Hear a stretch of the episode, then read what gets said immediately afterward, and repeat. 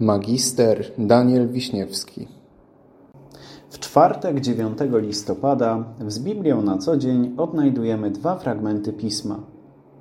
Pierwszy fragment jest zapisany w Księdze Psalmów, Psalmie 31, w wersecie 23. Rzekłem w niepokoju swoim, zostałem odtrącony sprzed oczu Twoich.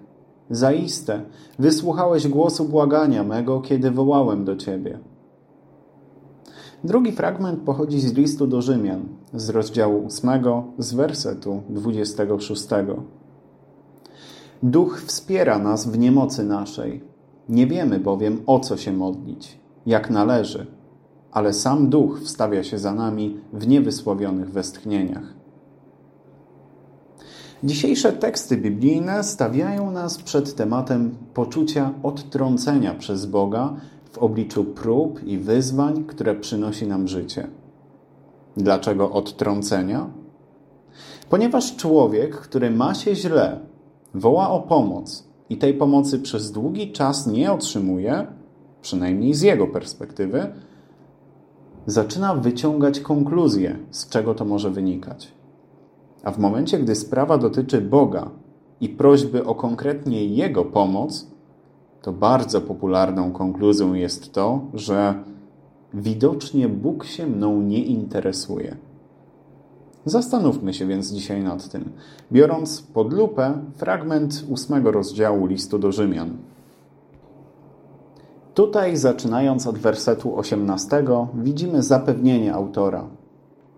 Albowiem sądzę, że utropienia czasu teraźniejszego nic nie znaczą w porównaniu z chwałą, która ma się nam objawić.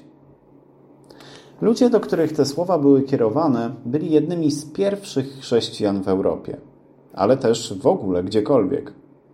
Wiązało się to z tym, że w powszechnie panującej opinii byli oni raczej uważani za gorszy sort człowieka. Jakichś sekciarzy, którzy odłączyli się od judaizmu i głoszą przedziwne rzeczy. Zdarzali się nawet tacy, którzy słysząc o tradycji wspólnego spożywania wieczerzy pańskiej przy stole, oskarżali naśladowców Chrystusa o kanibalizm. Wyznawcy nowej wiary byli więc poniżani, bici, okradani, a czasami nawet i zabijani. I teraz, z pełną świadomością tragiczności tego kontekstu, autor listu zapewnia, że te trudności są tylko chwilowe dotyczą tylko czasu teraźniejszego, a zaraz za nimi oczekuje na wiernych Boża chwała, do której zostaną przyjęci. W następnych wersetach czytamy: Bo stworzenie z tęsknotą oczekuje objawienia synów Bożych. A nie tylko ono, lecz i my sami, którzy posiadamy zaczątek ducha, wzdychamy w sobie, oczekując synostwa, odkupienia ciała naszego. Ta nagroda za pokonane życiowe trudy, trudy tej życiowej podróży, to bycie dziedzicem samego Boga. To miłość, szczęście, stabilność, ale przede wszystkim bezpieczeństwo, wieczne bezpieczeństwo.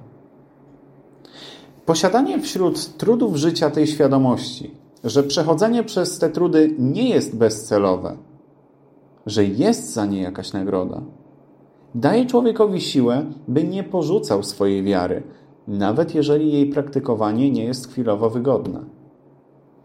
I dalej czytamy: W tej bowiem nadziei zbawieni jesteśmy. A nadzieja, którą się ogląda, nie jest nadzieją. Bo jakże może ktoś spodziewać się tego, co widzi? A jeśli spodziewamy się tego, czego nie widzimy, oczekujemy żarliwie, z cierpliwością wyzwaniem w praktykowaniu wiary, będąc w tej wierze również motywowanym faktem, że wiara niesie za sobą nagrodę, jest to, że nie jesteśmy w stanie tej nagrody zobaczyć teraz własnymi oczami. I tutaj wracamy do myśli, z której wyszliśmy na samym początku. My mamy swoje trudności. Prosimy Boga o wytrwałość, o pomoc, ale my często nie widzimy tej pomocy nie widzimy Jego wyciągniętej do nas ręki, która nomen omen przybiera różne formy. I nie widzimy nagrody, którą On nam ofiaruje za nasz trud. Ale to, że my czegoś fizycznie teraz nie widzimy, nie oznacza wcale, że to nie istnieje. To, że nie zauważamy, jak nieraz bardzo subtelnie Bóg nas prowadzi przez różne sytuacje, nie znaczy, że On się nami nie interesuje. Wręcz przeciwnie. Interesuje się bardziej, niż jesteśmy to w stanie pojąć. Dlatego dalej autor listu do Rzymian pisze: Podobnie i duch wspiera nas w niemocy naszej. Nie wiemy bowiem o co się modlić, jak należy, ale sam duch wstawia się za nami w niewysłowionych westchnieniach. A wiemy, że Bóg współdziała we wszystkim ku dobremu z tymi, którzy Boga miłują.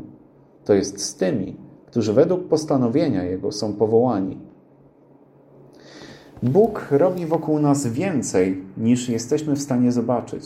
I angażuje się w nasze życie w sposoby, na jakie często byśmy nawet nie wpadli. Kiedy nachodzą złe chwile, On wstawia się za nami i wskazuje nam drogę wyjścia, bo nie chce, by którekolwiek z Jego dzieci cierpiało. Warto o tym pamiętać. A na zakończenie tego rozważania chciałbym zostawić Was z cytatem autorstwa Justusa del Bruca. W otchłaniach, w których żadne pocieszenie nie sięga, niech dosięgnie mnie Twoja wierność. W noce, w które wiara ustępuje, niech Twoja łaska nie odstępuje ode mnie. Kiedy nie mogę uchwycić się Twojej ręki, Ty chwyć moją w swoje ręce. Przyjmij łaskawie moją duszę i doprowadź mnie do dobrego końca. Amen.